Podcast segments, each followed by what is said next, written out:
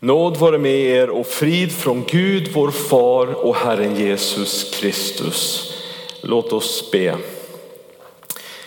O allmäktige evige Gud, du som med mildhet ser på vår svaghet. Hjälp oss att i tro omfatta dina löften så att vi kan leva i trygghet under din mäktiga hand. Genom din son Jesus Kristus, vår Herre. Amen. När blev du senast så exalterad eller mitt uppe i någonting att du glömde att äta? Ja, där är vi lite olika. Jag kan gå ganska länge utan mat och någon blir väldigt hangry fort. Men genom evangelierna går ju också den här tråden med olika sorters mat, olika sorters dryck. Och vad är det som är viktigast? I dagens evangelietext hoppar vi liksom lite rätt in i en för många väldigt känd och kär historia. Mötet mellan Jesus och kvinnan vid brunnen. Och det mötet gör ju att Jesus blir så taggad, eller gira som man säger på norska, att han inte äter direkt utan försöker istället ta med sina lärjungar in i det som händer. Och det textavsnittet vi har framför oss idag det är ett klipp och lim avsnitt ur den historien. Du kan läsa den i din, sin helhet när du kommer hem. Men det här urklippet låter oss zooma ut lite grann och visar kanske framför allt lärjungarnas reaktion på det som händer och konsekvensen av Jesus möte med den samariska kvinnan. Vad var det som hände där vid brunnen? Vad var det som gjorde att den här utsatta kvinnan helt plötsligt blir ett frimodigt vittne om Jesus? Det finns en scen i den nya tv-serien om Jesus och lärjungarna som kallas The Chosen. Jag vet inte om någon har sett den. Jag har inte sett så många avsnitt egentligen. Men det var en scen där som var gripande vacker. Det är Maria som blir helad från demoner som möter en funderande, nästan lite desperat Nikodemus som försöker få ihop och förstå vad som har hänt. Och så svarar hon bara så här. Here is what I know. I was one way and now I am completely different.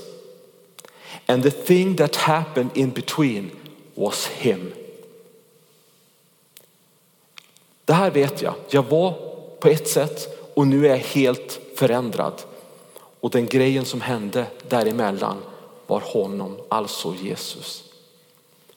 Och det är detsamma vi ser här i dagens text. Vi läser dagens heliga evangelium eh, i Jesu namn. Just då kom hans lärjungar.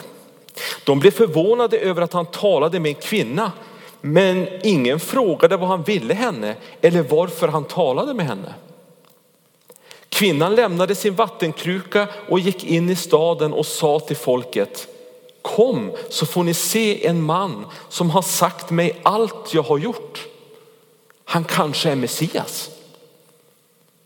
Då gick de ut ur stan och kom till honom.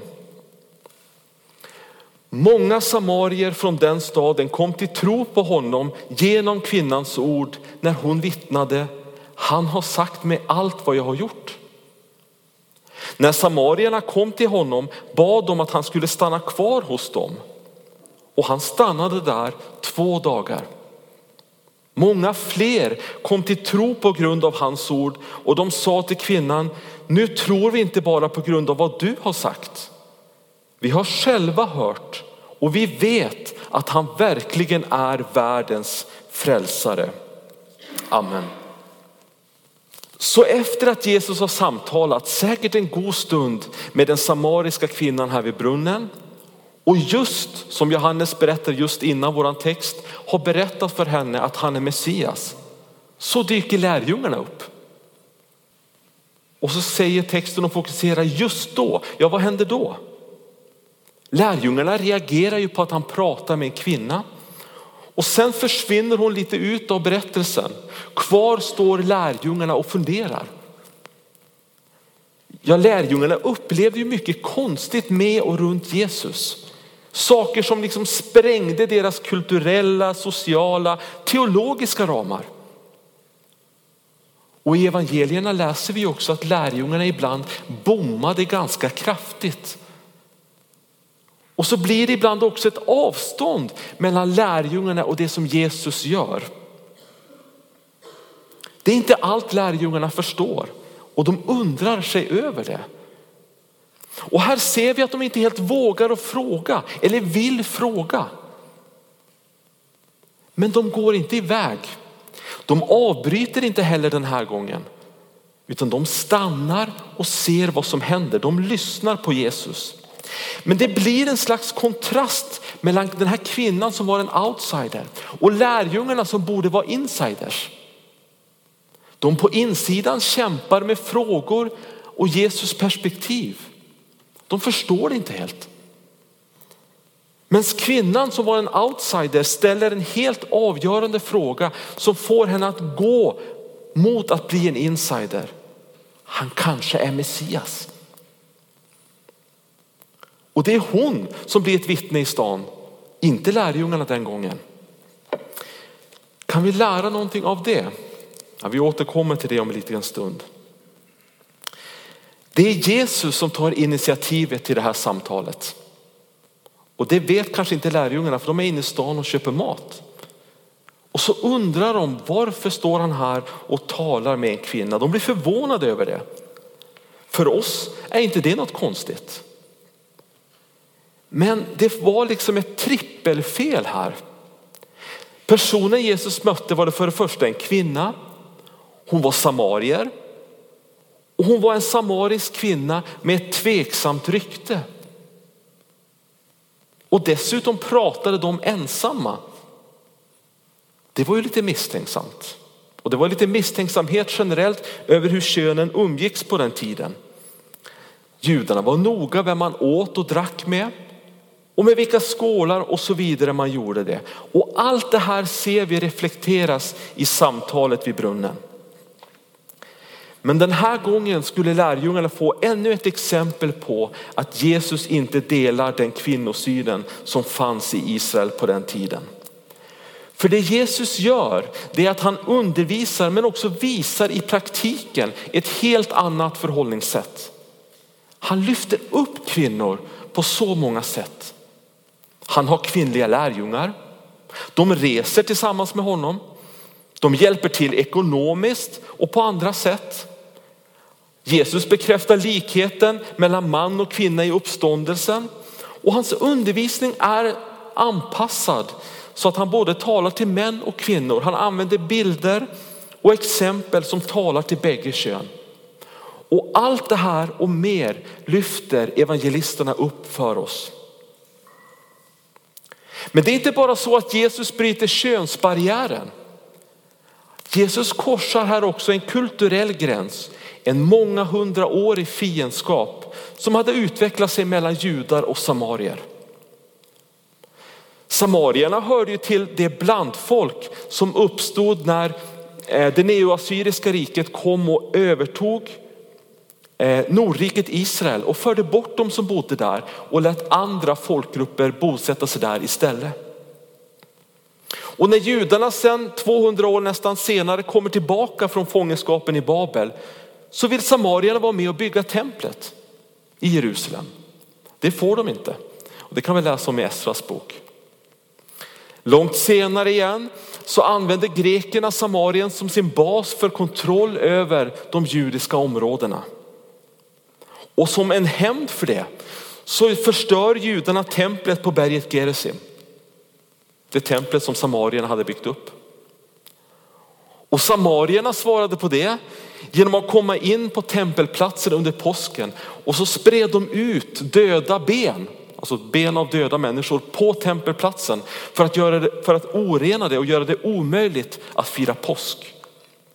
Århundraden av konflikt, oförstånd, kanske till och med hat. Samarierna ansågs orena. Och det låg liksom den här prägeln av fientlighet, nationalism och skam över samtalet vid brunnen. Kvinnan har liksom alla piggarna ute. Och genom samtalets gång så förstår vi varför. Hon kommer till brunnen med ett komplicerat liv bakom sig. Och när hon blir konfronterad med detaljer i sitt liv så tänker hon Jesus måste vara en profet. Och så ställer hon en lite mer teologisk fråga tillbaka. Hon säger, våra fäder har tillbett på det här berget, men ni säger att platsen där man ska tillbe finns i Jerusalem. Och vi kan inte veta hur stark den frågeställningen egentligen var hos henne. Kanske var det också en slags försvarsmekanism.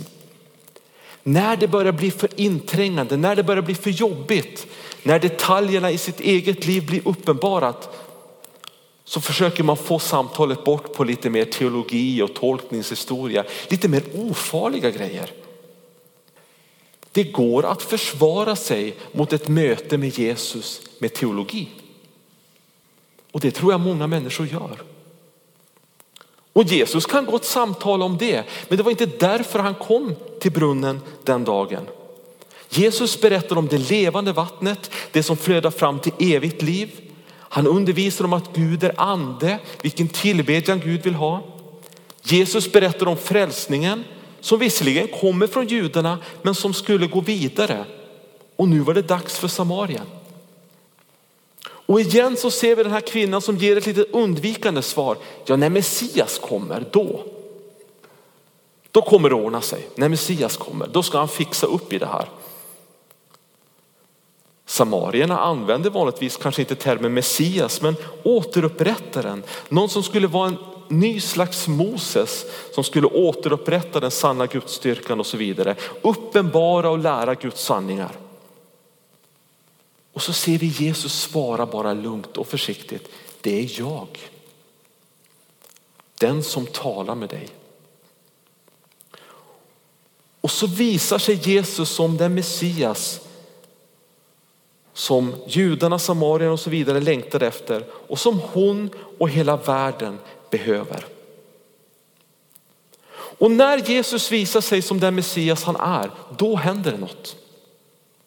Kvinnan lämnar krukan, det hon kom för att fixa och så går hon direkt in i stan. Och så berättar hon för dem hon möter. Ja, vad berättar hon? Kom och se.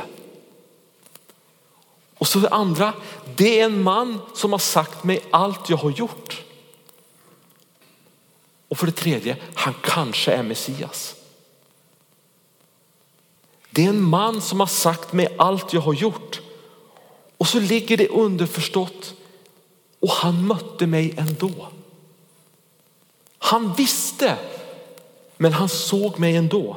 Han talade till mig ändå.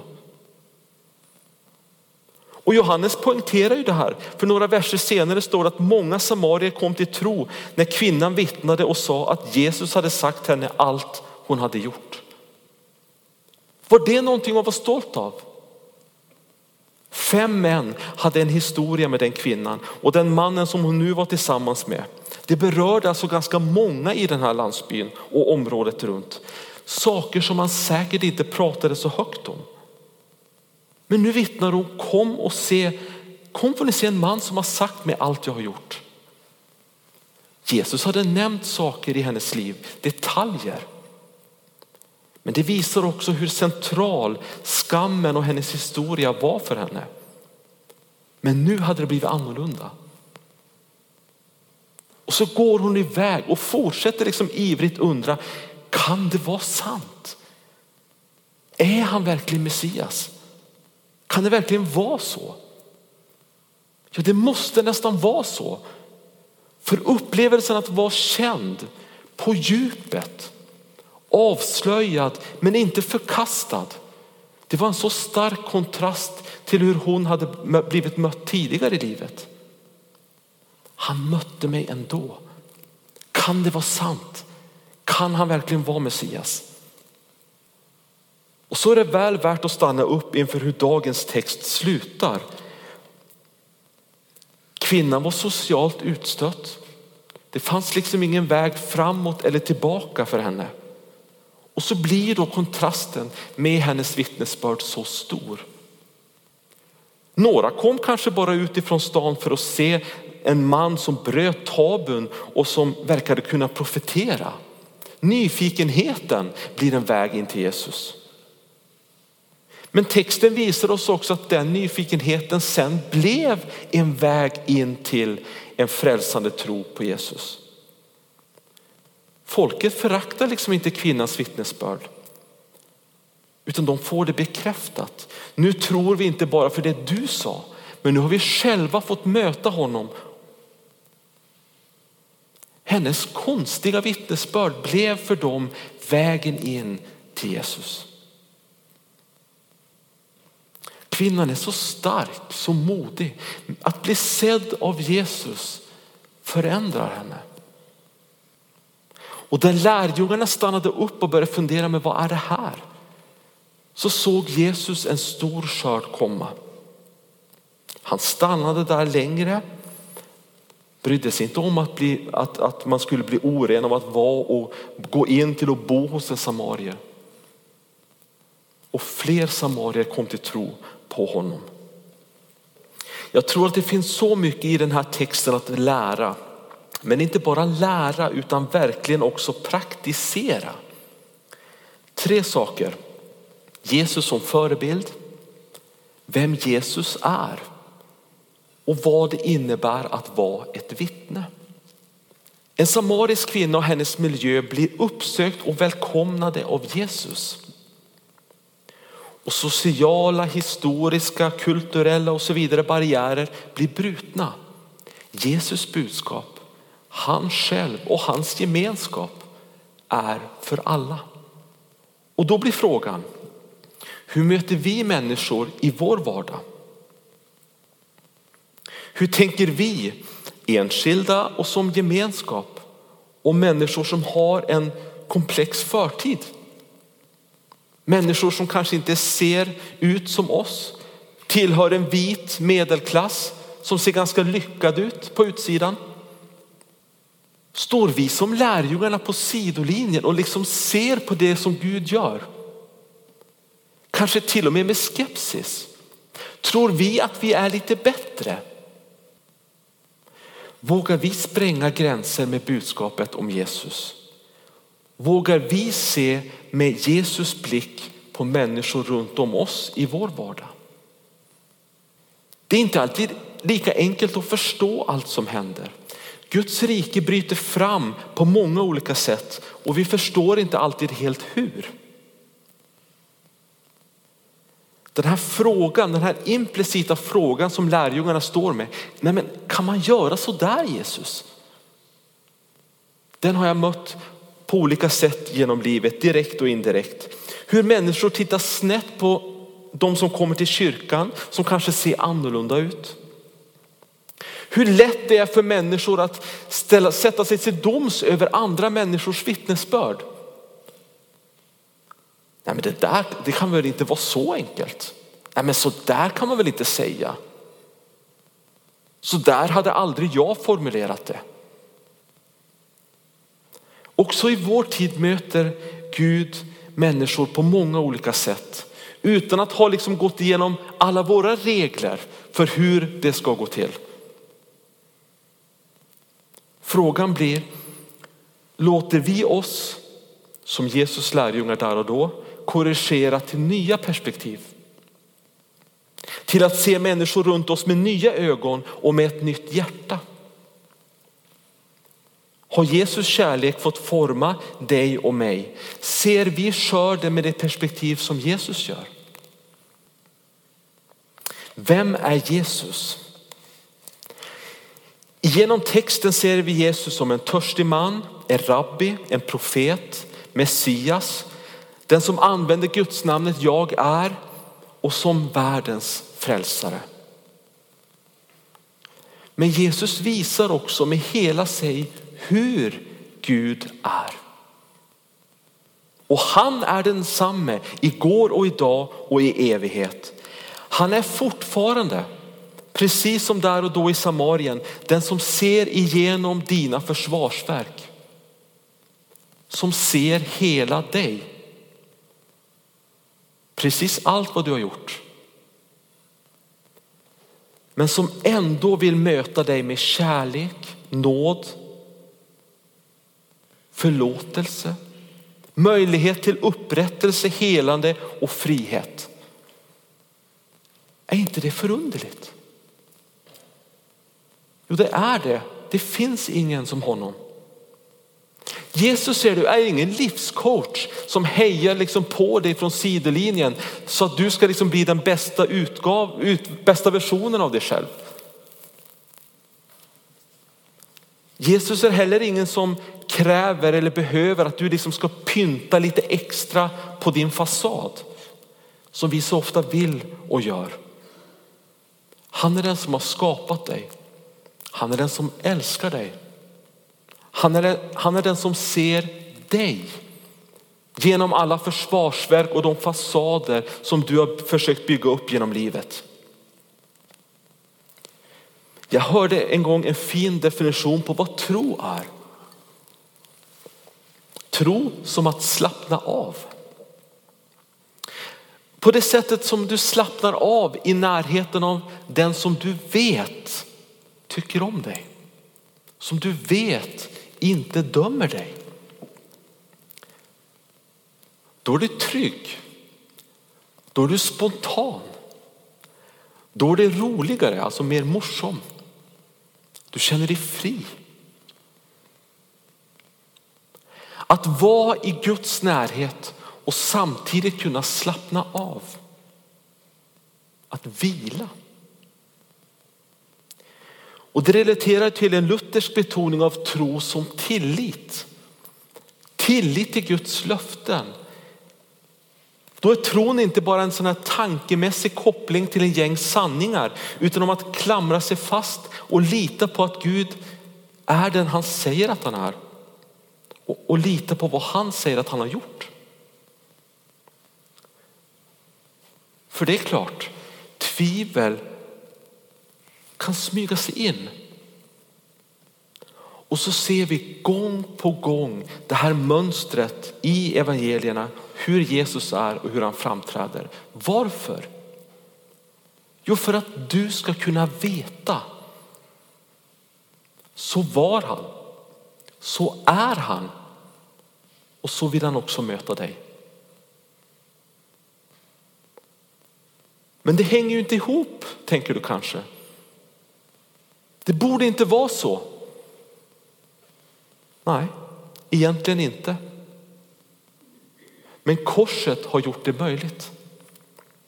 Precis som Jesus uppenbarade i ett annat lite otippat möte i kapitlet innan.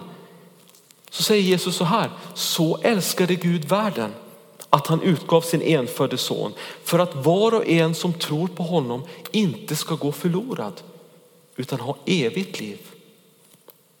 Gud sände inte sin son till världen för att döma världen, men för att världen skulle bli frälst genom honom. Gud älskar den världen som vänder sig bort ifrån honom och den världen är du en del av. Han skickade sin son för att lida och dö och uppstå för att göra någonting med själva grundproblemet, synden som skuld inför Gud. Och när Jesus sen på korset inte bara ropar ut men också visste. Det är därför som vers 28 är min favorit istället för vers 30 i Johannes evangeliet 20. Så var den barriären bruten. Synden är sonad, straffet är betalat och nåd och barmhärtighet finns hos den som vänder sig till Gud genom Jesus. Och så vill han precis som för samarierna och den här kvinnan vid brunnen visa sig för dig som den han är. Världens frälsare, ja din frälsare. En verklig frälsare för verkliga syndare. Och det är det goda budskapet om Jesus som aldrig går ut på datum. Och som nutidsmänniskan du och jag och människor runt oss så väl behöver. Vi som är så duktiga på att gömma oss bakom fasader. Eller identiteter eller försöker fixa allt. Det är det vi behöver. Att vara känd på djupet men inte förkastad. Att kunna släppa alla fasader men inte bli utstött eller utskrattad utan förlåten och upprättad.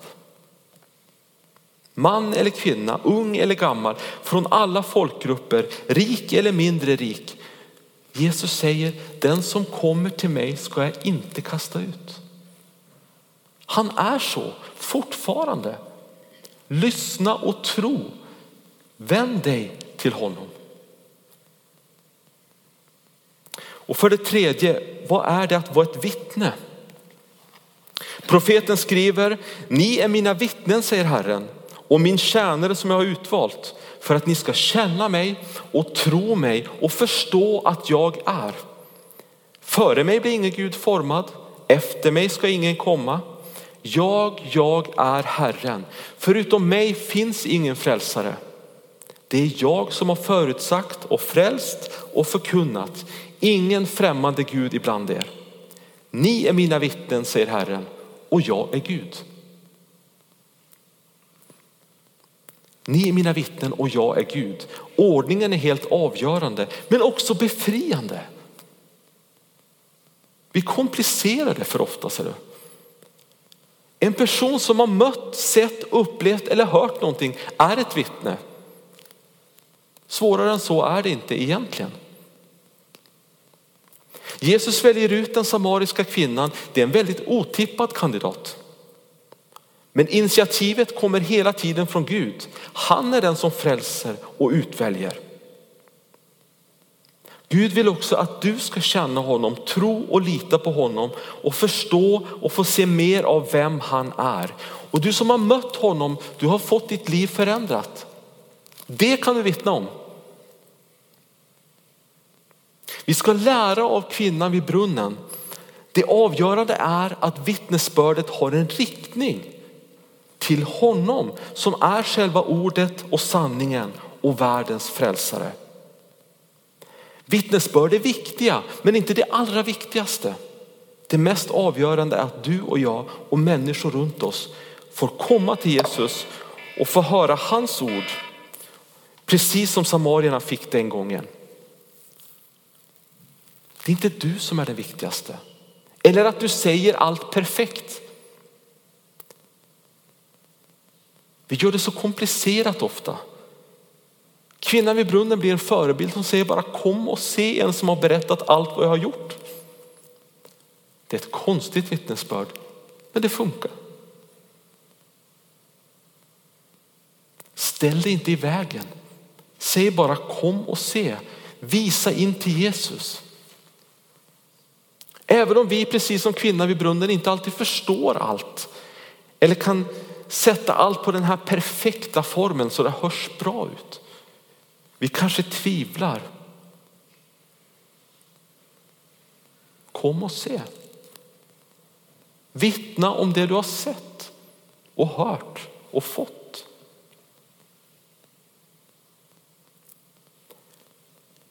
Kan hon så kan jag, tänker du kanske.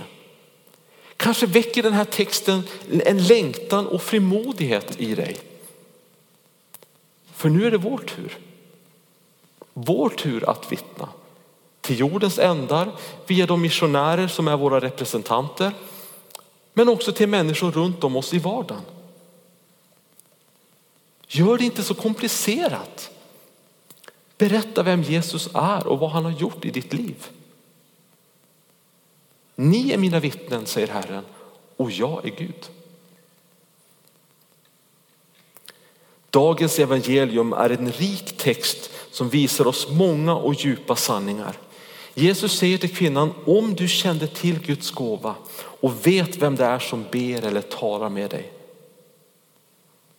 Känner du honom som är frälsningens gåva? Han som ser dig precis som du är men ändå älskar dig. Du blir inte avvisad hos honom. Men var hittar du honom då? Luther skriver i, i förbindelse med den här texten så här. Men nu har du Guds ord i kyrkan, i böcker, i ditt hem. Och detta är Guds ord lika säkert som om Gud själv talade till dig. Det kan se smått ut här på jorden. Precis som det kanske gjorde vid brunnen den här gången. Prästen eller pastorns ord eller förvaltning av sakramenten ser kanske inte så mycket ut för världen. Men där finns det källor med levande vatten. Därför att Jesus själv är där med sin frälsning och sin nåd. Och det kristna livet är ju inte en engångskommande men ett liv i en relation till honom som är själva livet. Fram till den dagen som du ska få se honom igen i härlighet. Mötena med Jesus är det som gör dig till ett vittne. Och har du fått möta honom har du verkligen någonting att vittna om. Amen. Vi ber. Lovad vare Gud och välsignad i evighet som med sitt ord tröstar, lär, förmanar och varnar oss. Helige ande, skriv ordet i våra hjärtan så att vi inte blir glömska hörare utan varje dag växer till i tro, hopp, kärlek och tålamod intill tidens slut och så blir saliga genom Jesus Kristus, vår Herre. Amen.